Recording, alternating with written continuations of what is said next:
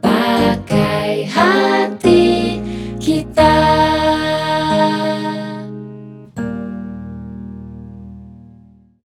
Sekarang kita kedatangan seorang aktor muda sudah membintangi banyak film dari kecil hingga dia mudanya sekarang. Siapa lagi kalau bukan Amara Estega? Woo! Mar, gue manggil Mar nggak apa-apa kali ya? Nggak apa-apa. Oke, Kalau gue manggil lo SH ya. jangan. Karena gue host hari ini. Oh, Oke. Si bang nggak ada ini ya, nggak ada klien yang host soalnya gitu. Oke. Gini, Mar, gue penasaran Estegal itu asal muasalnya apa ya? Ini belum banyak orang yang tahu kan? soalnya? Ya, ya. Kalau gue sih ngakunya suka bokap iseng gitu. Karena Hmm. nama gue pengen dijadiin Omaran Eda Segala biar O-N-E gitu. Jadi E-nya nyarinya apa? Kebetulan kalau nggak salah tuh dulu nonton bola. Ada Esteghlal Tehran. Tim Oke. Tehran di Iran. Hmm. ya kan.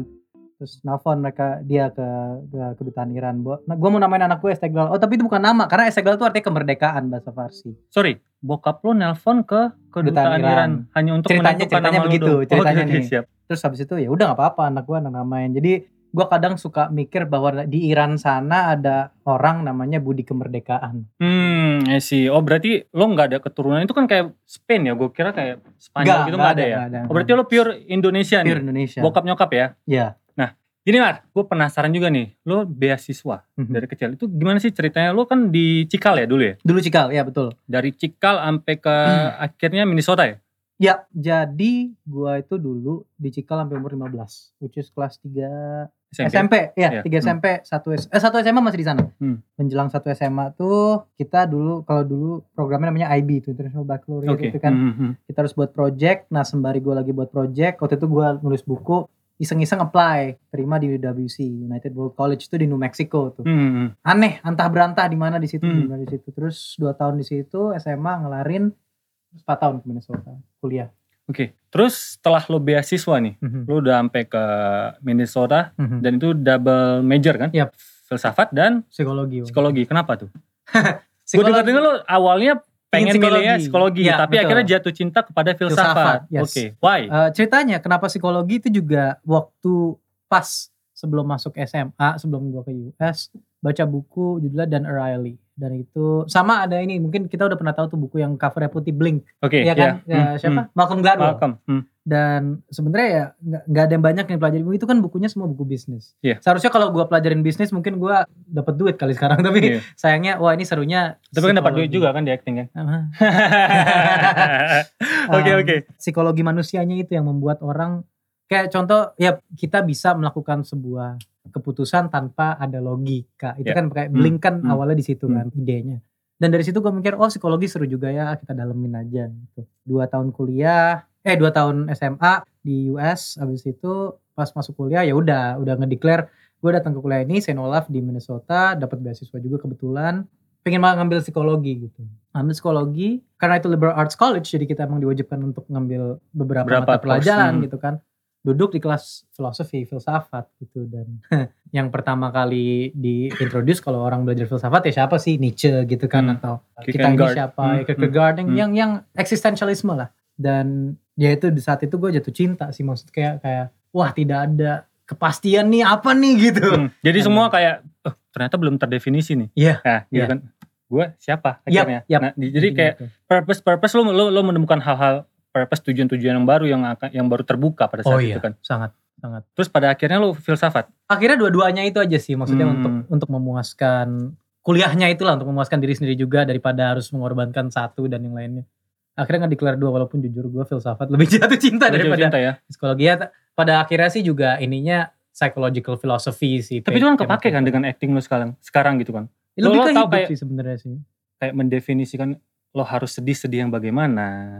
OCD jujur malah membuat repot gitu loh Kenapa tuh repotnya? ya kalau misalnya let's say kita dapat script gitu ya terus orangnya itu sedih tapi sedihnya itu nangis ya, itu kan kita harus memikirkan kenapa harus nangis gitu. Mhm. padahal kan nggak usah Hmm. it's straightforward Iya, gitu ya betul. lo kalau sedih nangis tapi kan karena ada beberapa background yang kayak gini tuh jadi menyulitkan sebenarnya jadi Hmm. kayak elah ngapain sih Ngapain? Hmm. Iya kalau lagi mau tidur ngeliat dinding, eh kenapa putih ya? Kenapa Wah putih itu putih ya? Gitu gitu kan? tuh. Gua Iya tuh. kan? Emang dinding ini putih, emang temboknya putih. Iya.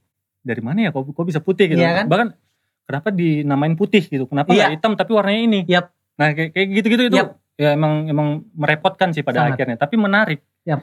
Nah, lo kan sebenarnya udah udah ngejalanin nih sebenarnya dari SMP lo udah bagus, SMA bagus dan beasiswa kan sampai Hmm. sekarang. Kenapa kembali acting?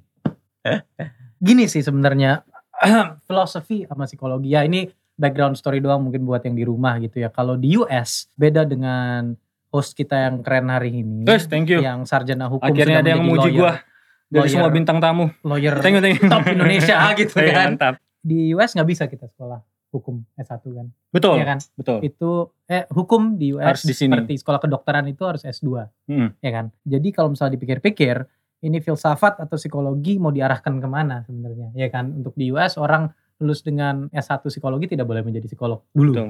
seharusnya. Tidak boleh menjadi ya filsuf tuh apa sih arti filsuf? Iya. Kita semua tuh filsuf sebenarnya. Tapi dipikir-pikir apa mau dijurusin ke mana? Sedangkan apa impact yang harus gua kasih ke orang-orang gitu kan? Ya, Ya, banyak sekali, banyak sekali. Dan kenapa kenapa balik ke acting itu juga karena gini loh. Orang mungkin sekarang mulai merasa bahwa semua yang kita pelajarin itu adalah lurus kepada apa karir kita gitu ya. Dalam Betul. artian lu kuliah bisnis, ya masa lu nggak kerjanya jadi bisnis, Bisnis, gitu betul. kan dan lain-lain. Tapi gitu. itu kan udah old school ya pemikiran seperti itu. itu yang kemarin. yang makanya gue pikir sekarang gue kuliah filsafat orang nanya emang filsafat mau dikemanain ya nggak perlu dikemana-manain dalam Hmm. artian ya gue belajar ini karena gue ingin belajar ini gitu loh yes gue mungkin punya punya apa sih namanya bekal dalam filsafat karena ada terminologi yang mungkin orang nggak kuliah filsafat tidak Ya, paham. tapi bukan berarti ya acting itu ya sebuah seni peran adalah yang hal yang sangat falsafah sangat philosophical gitu ya lo bisa menghibur orang itu apa apa sih Hmm, ini di sini hmm. gitu loh dan dan pertama kedua dari film itu kan ya maksudnya kita timnya cuma seberapa kayak sekarang kita buat podcast timnya cuma seberapa tapi yang dengerin lebih banyak jadi sebenarnya kita sudah membuat impact itu aja sih Mhm. itu menurut gua kerja itu tidak perlu straightforward atau tidak perlu Harus linear lah ya istilahnya. tidak perlu linear Hmm. tapi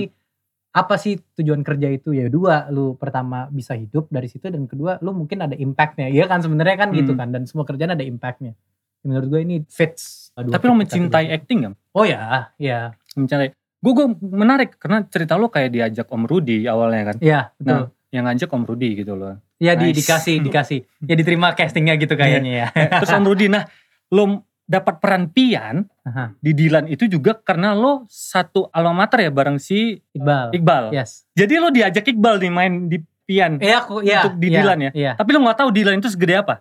oh ya waktu itu pas pas diajak pas dikasih tahu lah ada ada film nih project sama Iqbal gitu dikasih tahu ya gue nggak tahu Dilan itu jujur gue belum baca juga Iya, Dilan. lo novelnya lo tuh masih di stage ya pada saat itu. ya? waktu itu kita baru benar-benar baru pulang bareng kan Oke. karena kan pas lagi summer emang dia kebetulan kelar kelas 11 gue udah lulus dari SMA Hmm. kan. dari sisi gue gue nggak ada niat untuk masuk film pas waktu itu Hmm. itu tidak ada pemikiran bahwa dari gue lulus SMA masuk ke kuliah gue mau mas mau main film tuh nggak ada di guanya tapi kebetulan ada tawaran itu kan Dilan dan datang pas datang casting sama Mas Fajar Bustominya langsung ya ngobrol-ngobrol-ngobrol abis itu nggak lama kemudian oh ya udah ikutlah dengan Dilan mantap. dan nah itu juga setelah syuting Dilan satu kelar balik kan ke US hmm. untuk kuliah Minnesota dan karena baliknya harus Agustus. Ketika peluncuran Dilan itu adalah ketika gue masih di stage dan gue masih inget jam 4 pagi itu ditelepon sama temen-temen rekan-rekan Dilan eh film kita booming nih gitu. Oh Aduh, ya bukan udah. booming Nggak- lagi nih. nggak ada efeknya di gua apa pas, Oh, iya, iya, pas di US sebenarnya gitu. Maksudnya tidak ada merasakan euforianya tidak merasakan promo dan lain-lain gitu sih sebenarnya. Balik-balik itu untuk bulan 2 dan 3 jadi mungkin dibilang kebetulan tapi ya mungkin juga dibilang ini mungkin kayak gini kali jalannya gitu sih Hmm. Oke, pertanyaan gua adalah pergaulan lo di stage Yap. dan Indonesia itu kan pasti ada beda ya. oh ya Karena jelas. pendapat menurut pendapat gue ya kayak stage itu orangnya lingkungannya lebih individualis. yes untuk individualisme ya gua ngerasa shock sekali pertama kali pas gua ke sana dan pertama kali pas gua balik pas gua ke sana gua ngerasa gua terlalu ngurusin orang orang banyak yang merasa mungkin tersinggung bahwa lu ngapain sih ngurusin urusan gua lu apa Oke, sih lu hmm. aneh sih Ini bahkan Apa? lo sudah berteman ya dengan dengan bahkan sudah orang. berteman Hmm, jadi kan kita mungkin dulu di Indonesia tidak ada yang namanya gini loh Indonesia ada sam- jelas sekali curhat itu apa ya Iya, kan hmm. masa lalu kalau kita temenan berarti gue juga ngerti masa lalu. Iya. Tapi kan tidak seperti itu Hmm. di, di, Di sana. di luar Hmm. negeri juga. Nggak semua orang seperti itu. Oke, gue di sana oke gue harus belajar bagaimana cara individualisme. Gue harus merespect privasi lo, lo harus respect privasi gue. Kalau lo nanya gue, gue nggak suka apa pertanyaan lo, sorry ya jangan nanya itu. gue balik ke Indonesia ya kan dengan dengan mindset kayak gitu dibilang sombong sombong. Iya kan? Hmm, hmm, hmm. jadi ada perbedaan itu jelas kalau soal pergaulan Ketika lu lu berarti kaget dong ini oh ketika sangat ke stage ya Mar ya. Nah itu lo pernah kayak ngerasa eh gue kayak di exclude nih gitu loh kayak eh gue susah susah ya masuk Ya, ke lingkungan ya, mereka gitu ya, dan ya. apakah lo mengalami gitu Oh jelas, jelas. Dan menurut gue ya kalau misalnya kita nggak perlu di luar negeri pun gitu ya. Kita mungkin sering dengar ya orang-orang yang pindah ke Jakarta dari daerah pun merasa Iya, hal iya, yang sama. ada ada kan? struggle buat itu ada Ada struggle, ah, ibu kota kejam sekali. Hmm, Dan ketika dari daerah kita semua kenal masing-masing kok di Jakarta nggak ada yang tanda kutip mau kenal Hmm, gitu. hmm. Kita ada tandeman satu orang itu doang yang kita kenal. Apa kabar tetangga kita? Apa kabar saudara kita yang jauh? Lebih parah lagi ya saya ngerasa dari Jakarta ke US States. Hmm. yang ya sedikit background ya. Tadi kita di luar sebelum podcast ini sempat ngobrol soal keragaman, Ya, homogen, homogen heterogen. yes, ya. yes. Mungkin terminologi heterogen itu adalah Majemuk, keberagaman, ya. homogen Hmm. adalah ke apa seragaman, seragaman ya kan? Di Indonesia itu sebenarnya sangat beragam, ya kan, dalam suku dan pemikiran dan kultur. Tapi mungkin yang kita tidak sering melihat adalah bedanya bangsa-bangsa, ya kan, dan bedanya ras mungkin. Dan di Amerika kita bisa bertemu dengan segala ras dan segala bahasa dan segala segala macam gitu loh. Dan untuk adjust bahwa oke, sebenarnya kita sebagai orang Indonesia untuk adjust untuk keluar negeri itu tidak susah gitu. Karena kita sudah biasa melihat biasa beda kulit, Kultur. beda Hmm. beda bahasa itu udah sering gitu. Cuman yang mungkin kita ada harus adapt adalah kenapa gua ngerasa excluded pas di luar, kenapa gua ngerasa kok mulai terpencil atau mulai mulai dikucilkan kurang fit in dan Hmm, gua harus jujur tahun pertama gue di US mungkin tidak sesosial tahun kedua gua. hmm. Gue benar-benar mengucilkan diri, sering di kamar, teman teman pun yang dianggap benar-benar teman hanya segelintir orang gitu loh. Dan itu alasannya karena tidak tahu bagaimana cara approach. Dan dalam artian apakah gue harus nanyain apa kabar, apakah gue harus ngomongin eh ini gak sih apa terlalu terlalu egois gak sih untuk ngomongin diri sendiri, Hmm. terlalu terlalu kepo gak sih untuk nanyain masalah mereka gitu sih. Itu perasa pengucilkan. Sehingga akhirnya gue ngerasa ya udah deh gue diam aja. Menjadi orang yang pasif Hmm. gitu sih.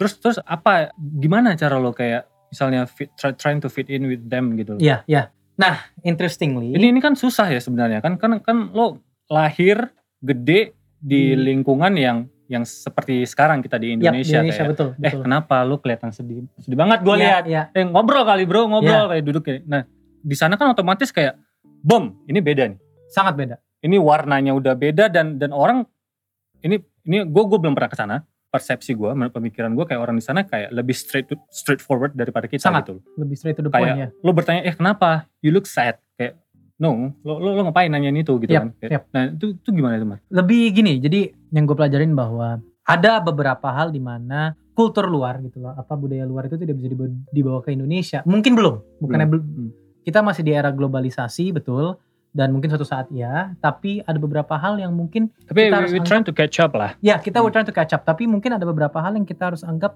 berbeda gitu loh. Contoh, di Indonesia adalah suatu hal yang normal untuk melihat chatting temen. yes Temen lagi chatting sama pacarnya, sebagai temen kita ngeliat, ih lucu banget sih lu berdua chattingnya Hmm. kayak gitu. Mana mungkin di luar negeri Bisa digampar pak Iya. apa sih lu Yes, Hmm. handphone gue, handphone gue, surat gue, surat gue. Hmm. Urusin diri lu sendiri. mungkin kata yang tepat adalah respectful kali ya Respectful, iya betul. Dan kadar respectful itu sangat berbeda Indonesia dengan luar, iya kan? Hmm. Nah, bagaimana caranya gua fit in gitu ya? Satu lagi, fun fact, selama gue SMA dan selama gua kuliah, tidak pernah gua manggil guru gua atau dosen gua dengan sebutan Mister atau langsung Profesor. nama ya Nama, nama depan. bahkan profesor ya biasa Profe- Profesor filsafatku umurnya lap- 75, gue panggil nama. Oke, karena gue di kampus gue, gue manggil Pak di marahin. Lu manggil gue Prof. Yes, Hmm, se se se-strict itu kan? se- segede itu Yes. dan sepenting itu buat mereka Sepenting gitu loh. Hmm. dan di sana gua dengan bahkan yang umur 75 mereka minta manggil nama dan bukan bahkan namanya bukan kadang let's say nama gua Omara gitu gua tapi sering dipanggil Mar ya udah gua panggilnya Mar aja Hmm. Woi Mar gitu akhirnya gua ngerasa ini loh yang kalau kata orang one in Rome Hmm. ya kan ada beberapa yang sebenarnya itu spesifik dengan tempatnya gitu loh ya as simple as kalau kita di Jakarta dengan kita lagi di daerah perilakunya pun juga Beda. beda, gitu Hmm. sih di rumah dan di teman berbeda Hmm. gitu aja Tapi ketika lu di exclude itu, Yes. Mar, lu nggak dibully. Karena ini zaman itu kayak Asian hate itu kan Asian hate sangat, sempat sangat ya sempat betul betul gitu betul sekali betul Hmm. sekali dan kita balik lagi ke topik ya sebenarnya kalau kalau gua boleh bilang Boleh soal- banget. du- mengontras iya Boleh banget ini. Ya.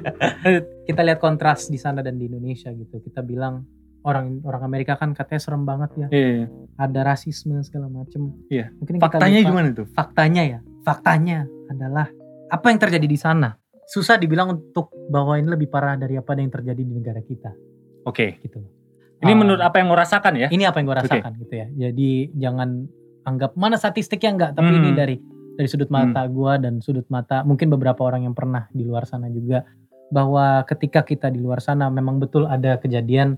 Nah gua ini eh, kalau kalian pernah ikut berita tuh yang dulu polisi nyekek orang hitam. Ya. Kan? Hmm. dipakai dengkulnya itu kejadian di kota gua di Minneapolis. Oke. Yes, kota gue cuman ya nggak di kota gue tapi di Minnesota itu kan Minnesota kotanya itu, Minneapolis dan itu dua kali terjadi. Yang kedua polisi nembak orang orang hitam di mobilnya. Iya, hmm. Berkali-kali terjadi kasus melawan orang hitam, orang putih lawan orang hitam. Mengecilkan menjadi minoritas itu adalah hal yang sangat susah. ya. Maksudnya ketika kita di segelintir minoritas itu walaupun tidak tidak jelas di mata kita apakah ini orang apakah orang ini bahaya buat kita atau orang ini Hmm. ingin membunuh kita dan lain-lain, tetap ada rasa was-was. Itu adalah hal yang pastinya sebuah pertanda bahwa kita di satu kelompok yang kita di-exclude. Hmm. Itu adalah kita was-was. Ketika kita merasa was-was di satu daerah, berarti daerah itu tidak nyaman bagi Nyaman. kita dan tidak menerima kita as apa, adanya. kita? Hmm. Gue balik ke Indonesia kan, dan yang gue lihat, aduh sedih sih ngeliatnya ini, tapi nggak jauh beda gitu loh. Mungkin Hmm. bukan soal warna kulit gitu ya, mungkin Tapi karena ada di Indonesia adalah bangsa lo sendiri itu Yes. yang yang kayak memperkeruh. memperkeruh- air itu sendiri gitu. air itu Hmm. sendiri itu adalah ya iya Hmm, betul betul bahwa air keruh itu bukan hanya dilihat tapi gue harus minum air keruh itu ya Hmm. kan sesuai analoginya bahwa mungkin di sana ada masalah warna kulit tapi gue ngeliat di sini adalah masa masalah keyakinan masih ada Hmm. masalah suku masih ada dan dan kalau kita tadi mungkin nanti di title social exclusion gitu masih terjadi di mana pun gitu dan gue ngerasain dua-duanya bahwa ketika gue keluar dan punya ideologi setelah belajar mungkin filsafat dan kayak lu belajar hukum kan juga pasti ada beberapa yang Betul. menurut lu cut cornersnya itu ada Hmm. dan jelas gitu kan ketika sekularisme menjadi se- sebuah percakapan itu pun tidak bisa dengan gampangnya diomongkan di negara kita negara ini ya betul. dan untuk meredam pemikiran itu adalah menurut gua sebuah exclusion by itself bahwa lo tidak be that you're not a part of great society-nya itu Hmm. gitu dan lu menjadi sebuah beberapa persen di persentase yang besar gitu sih. Nah ini nih pertanyaan menarik juga Mark kan Saint Olaf itu kan Christian school ya. Yes, Lutheran, betul. Apakah berdampak dengan politik agama juga kah atau gimana? tuh? Sama sekali tidak tapi berdampak di Indonesia.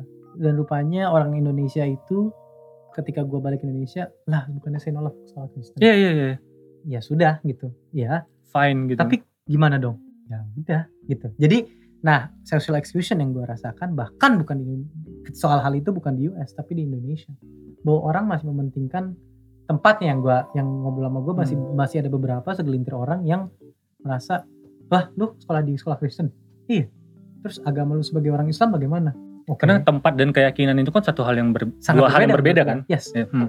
Lu belajar filsafat, iya. Nanti lu nggak percaya Tuhan. Apa hubungannya? Hmm. Iya Gue cuma nggak percaya tembok warna apa aja. Gitu. Iya, iya. Bukan Tuhan gitu. Iya. ya kalau misalnya untuk ini ya untuk yang di rumah aja ya correct me Para wrong gitu.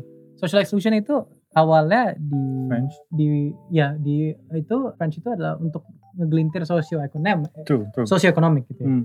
Dan sekarang menurut gua bahkan yang terjadi itu bukan hanya sosioekonomik. Dan gue bersyukur bahwa orang sekarang kita masih bisa ngeliat di banyak tempat orang yang menengah ke atas masih bisa berbaur dengan orang menengah ke bawah. Mhm. masih ada keseimbangan dalam friendship. Masih masih ada keseimbangan dalam ketetanggaan mungkin ya mungkin ya. Tapi social exclusion berdasarkan ideologi masih sangat jelas. Hmm. lu berpikir sesuatu segelintir tentang keyakinan tidak bersama dengan gua jangan Iya, jadi kayak adanya suatu keterbatasan gitu loh, Mar. Oh, iya. kayak bukan-bukan kita cuma ngomongin resources kayak ideologi, kepercayaan dan dan syukurnya adalah pemerintah sudah mulai membenahi masalah edukasi karena Oh, iya. gue penting juga kan. Yap. Nah, social exclusion mengenai edukasi itu ya menurut gue ya hal-hal yang pembenahan yang harus dibenahi di awal banget Sangat. gitu kan. Nah oke kita kita mulai mulai mulai mulai berkembang kita sudah mulai meninggalkan politik identitas ini Mhm. pelan-pelan gitu kan.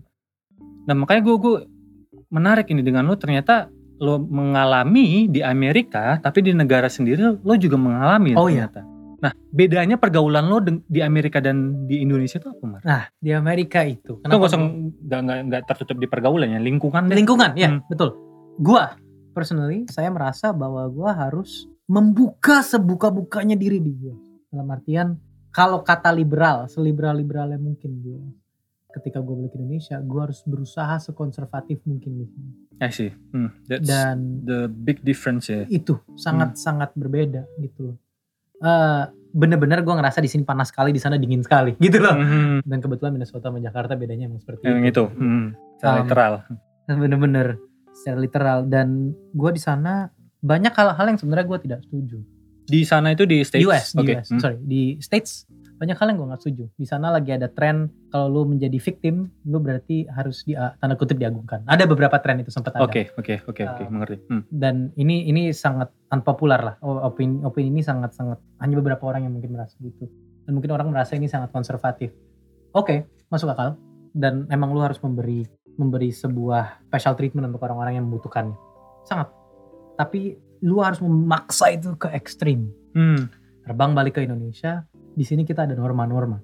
Ada beberapa yang harus lu udah patuhin aja. Tapi kenapa? Jangan nanya kenapa. Patuhin aja. Ya udah, gue patuhin.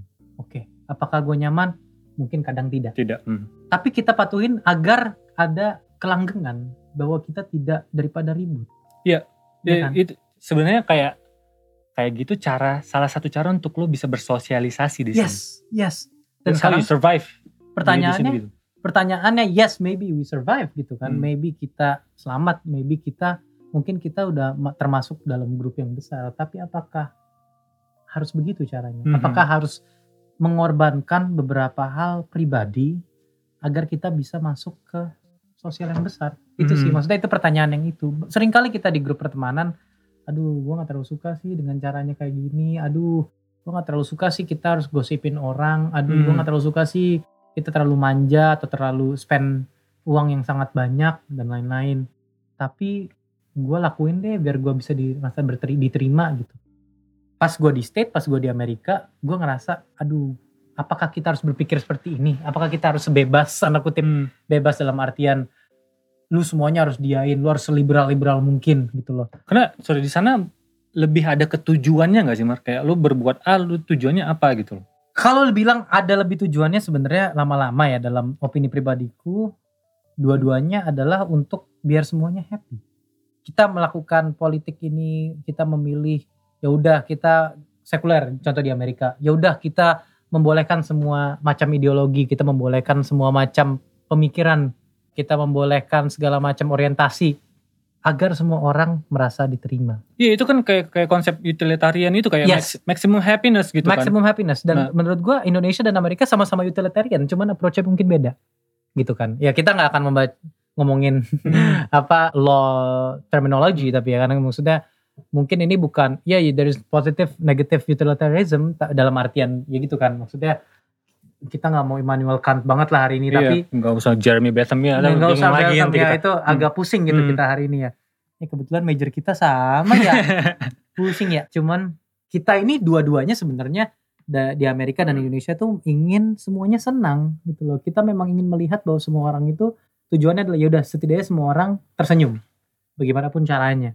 Nah, dalam opini pribadiku yang aku rasakan adalah ketika aku di Amerika, aku diwajibkan, gue diwajibkan untuk membicarakan apa yang gue ingin agar Oke. gue bisa senang.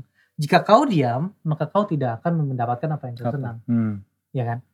Ketika di Indonesia, ikutin saja. Aku merasa ikutin saja apa yang sudah terjadi. Jika kau membicarakan apa yang kau inginkan terlalu besar, maka kau tidak akan senang Hmm. dan orang lain tidak akan senang. Jadi, tapi tujuannya, yes ada tujuannya agar semua orang tersenyum, Senyum. Hmm. iya kan? Agar semua orang senang. Tapi ya mungkin approach-nya beda kali ya. Nah, ketika lo balik, balik nih, lo di Amerika, Mhm. lo udah ngehadapin semua struggle-nya, yes. terus lo balik ke Indonesia, kaget lagi nggak, Mar? Oh sangat. Tapi sorry, tapi dari SMP lo masih punya temen dong yang yang bisa lo kontak ketika lo balik ke Indonesia gitu atau lo gaulnya sama. Iqbal juga pada saat balik ke sini gitu Oh iya, dan dikit sekali. Hmm, dan dan Dikit kurang sekali. lebih Iqbal Iqbal juga udah udah udah nge-adapt dong dengan suasana Yes, yes. Stage Iya, pada saat itu. Ya gue nggak tahu ya dia dia mungkin masih banyak teman tapi dalam gue sendiri, gue pribadi teman-teman yang yang yang dulu punya emang harus jujur harus curhat sedikit gitu ya. Hilang. Banyak sekali yang hilang teman-teman gue dari hilang kontaknya atau hilang secara uh, frekuensinya mar? Semuanya, frekuensi lo bergaul gitu kan semuanya mereka tidak menganggap gue teman lagi dan gue mungkin tidak menganggap mereka sebagai teman-teman dekat gue lagi karena karena Um, gue tadi dengar ada orang yang label lo kayak sombong dan segala macam Hmm. apakah itu gitu Iya mungkin salah satunya dan ya mungkin kalian tahu sendiri orang orang orang luar tuh banyak yang lebih straightforward mungkin atau lebih terlalu mungkin ih kok orang-orang luar ter- sangat flirtatious gitu loh Hmm. sangat flamboyan Hmm. sangat memuji sangat apa melakukan mem- membicarakan apa yang mereka pikirkan gitu kan tapi ketika kita balik ke Indonesia dan gue melakukan hal itu banyak yang tidak cocok gitu loh dan itu yang mengakibatkan kayak orang-orang mulai menjauh Ya. gitu ya Hmm. dan gue memang sangat ngerasa lah teman-teman gue yang di Indonesia hilang semua Hmm. yang teman-teman sekolah ya siapa teman-teman sekolah gue yang dulu ada beberapa orang yang masih jadi temenan tapi dulu grup gue besar gitu dulu I was accepted di semua grup bisa berbaur tapi sekarang nggak bisa hanya untuk beberapa orang doang yang masih itu sampai teman. sekarang mar Sampai sekarang. Dan sampai sekarang lo masih struggle dengan dengan budaya sorry atau gue pakai bahasa lo norma-norma pergaulan di Iya. Indonesia ini mungkin sekarang ya sekarang kita lebih gue lebih memilah untuk ya udahlah nggak cocok ya sudah mau Hmm. diapain lagi gitu loh dan ya bersyukur se- sepanjang jalan ya mungkin ada project baru ada apa gue ada akan nambah lagi Nambah lagi. Karena gue juga bingung sih Mar kayak gue pengen nanya iya semakin bertambahnya umur otomatis circle pertemanan semakin kecil kan. Ya. Ini pendapat gue ya. Yes. Masalahnya lu masih Ada 20 teori juga sih yang mendukung itu Iya, sih. masalahnya lu cuma 20 masih 22 tahun gitu loh. Iya, kayak iya. gue mau ngelempar itu kayak lu belum old enough gitu loh untuk Yes. untuk itu. Tapi sekarang aja circle lu udah udah kecil banget gitu kan. Ya, Kalau keluarga kenapa? bermasalah nggak dengan Enggak, dengan dengan keluarga. Keluarga sih sebenarnya ya awal-awal mungkin ada tidak persetujuan ya. Pastilah itu. Hmm. Itu menurut gua dari semua cerita yang gua dengar sering sekali terjadi terhadap semua orang yang keluar negeri gitu kan. Dan tinggal di sana selama beberapa tahun baliknya pasti ada beberapa ketidaksetujuan dengan orang-orang Iya bener rumah. kayak dari liberal ke konservatif itu kan kayak ya pasti impact pertama keluarga dong. Yes, pastinya. Iya. Pastinya. Tapi ya syukur sekarang udah udah udah udah seperti biasa lah. Hmm. seperti dulu. Cuman kalau misalnya soal tadi grup circle circle grup pertemanan, eh gue ngerasa gini loh, bukannya kecil, bukannya tidak ada teman atau apa, cuman definisi yang dulu orang-orang yang kita anggap adalah teman itu mungkin sudah berbeda. Oke. Mungkin mereka sudah bukan teman lagi gitu loh.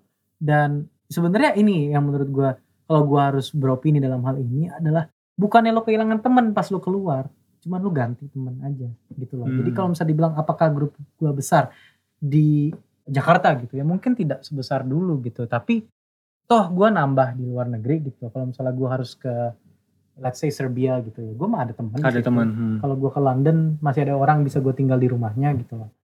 Gitu sih. Oke, menarik Mar. Ini kalau kita panjang lebar ini nggak bisa habis. Nggak bisa soalnya. habis. Seru soalnya. Jadi gue minta tips dari lo gimana sih sebenarnya setelah lo alamin Yes. menyikapi social exclusion nggak social exclusion kayak kayak lo di exclude aja dari Yes, dari komunitas, dari organisasi atau dari lingkungan lo itu gimana sih cara nyikapinya? Yang yang paling penting adalah untuk punya lawyer bernama Jerry. Aduh, Eh, terima gitu ya? kasih. Enggak, cara menyikapinya. Cara menyikapinya sih gue gua pertama setuju dengan yang bilang ya sudah menjadi diri lo sendiri aja. Dengan satu syarat bahwa lo senang melakukan itu. Karena banyak sekali pengorbanan kita memaksakan untuk melakukan apa yang kita inginkan, which is bagus. Cuman terkadang pengorbanannya terlalu lebih besar daripada reward yang kita dapatkan. Itu pertama. Pertama adalah senangi dirimu sendiri. Yang kedua adalah ya baik ke orang aja gitu sih. Kalau kalau Hmm. kita intensinya, ya gue jujur mungkin banyak orang ngira eh klise banget, klise banget bilangnya baik ke Kata-kata itu, hmm. klise sekali. Ah realitanya orang itu jahat, terserah apa yang kau ingin. Tapi yang kita bisa lakukan bahkan di zaman sekarang aksi kita pun nggak bisa diatur, iya kan? Betul. Banyak sekali perbuatan kita. Oke, dulu kita menganggap reaksi orang nggak bisa diatur, betul. Betul. aksi kita mungkin bisa diatur tapi kadang kelepa- kelepasan kayak gitu aduh gue salah ngomong tapi setidaknya yang kita bisa atur adalah apakah kita ingin melakukan itu atau tidak keinginan kita niat kita gitu Stoicism itu salah satu yang masuk gitu. yes stoicism itu itu benar-benar school of thought yang gue Hmm, ingin gue, gue pegang sekarang itu adalah ya ya itu maksudnya Socratic filosofi Yes. adalah bahwa ya kalau misalnya ini dulu Socrates ya dan dan Marcus Aurelius. ya Hmm. dan dan orang-orang itu ya adalah bahwa sekarang di luar sana bahkan keluarga sendiri bahkan teman sendiri atau pasangan sendiri ya lu nggak akan tahu mereka berpikir apa apa? lu nggak akan tahu karena realita lu sebenarnya ya realita, realita lu sendiri ya ini bukan hal yang depressing tapi emang bener sih sebenarnya gue pikir gitu ya dan opini gue adalah bagaimana cara kita bisa menghandle situasi lingkungan kita gimana lingkungan aduh gue fit in apa enggak ya nggak bisa dikontrol yang lu bisa kontrol adalah ya lu mau tidak fit in ke situ kalau lu mau fit in ke lingkungan situ kalau lu ingin menjadi diri lu sendiri ya sok kalau lu tidak Hmm. ingin nggak usah Gak usah tapi asal lu nggak deliberately tidak dengan jelas bilang, "Hah, gue pengen ngancurin nih orang." gitu loh. Hmm. Karena menurut gua untuk ngejudge Schopenhauer tuh pernah bilang dari semua kesengsaraan dunia. Karena dunia ini sebenarnya tanda kutip kesengsaraan dalam artian dia. ya lu bangun tidur, lu ngelakuin, lu kerja keras, pas lu digaji ya udah senengnya gitu doang. Hmm. Tapi kerja penyak kerja kerasnya tuh lebih panjang daripada hasilnya, ya Hmm. kan? Tapi dari semua kesengsaraan, ke- kecapean hidup dan keletihan hidup, yang paling tidak berguna adalah untuk nilai-nilai orang, Orang betul. ya kan? Dan Hmm. itu pertama sih. Buat apa lu coba nyakitin orang atau nilai orang tuh ngapain musingin diri gitu sih. Itu sih menurut gua dan selepas dari itu kalau lu udah ngontrol diri lu sendiri ya selebihnya mah tinggal angkat tangan aja gitu sih. Berserah ya. Berserah aja. Yes, itu dia teman-teman. Omara S. Tegal. Dan yang paling penting pakai hati kita sih. Ya, itu yang paling jangan lupa untuk Iya nonton pada hati kita. Iya. Ya, Mar, thank you. Buat teman-teman juga jangan lupa project Omara berikutnya ada Balada Siro ya. Oh iya mau keluar. Iya, Waduh, jangan lupa waduh, untuk waduh. ditonton. Thank you. Thank you. Thank you for your time.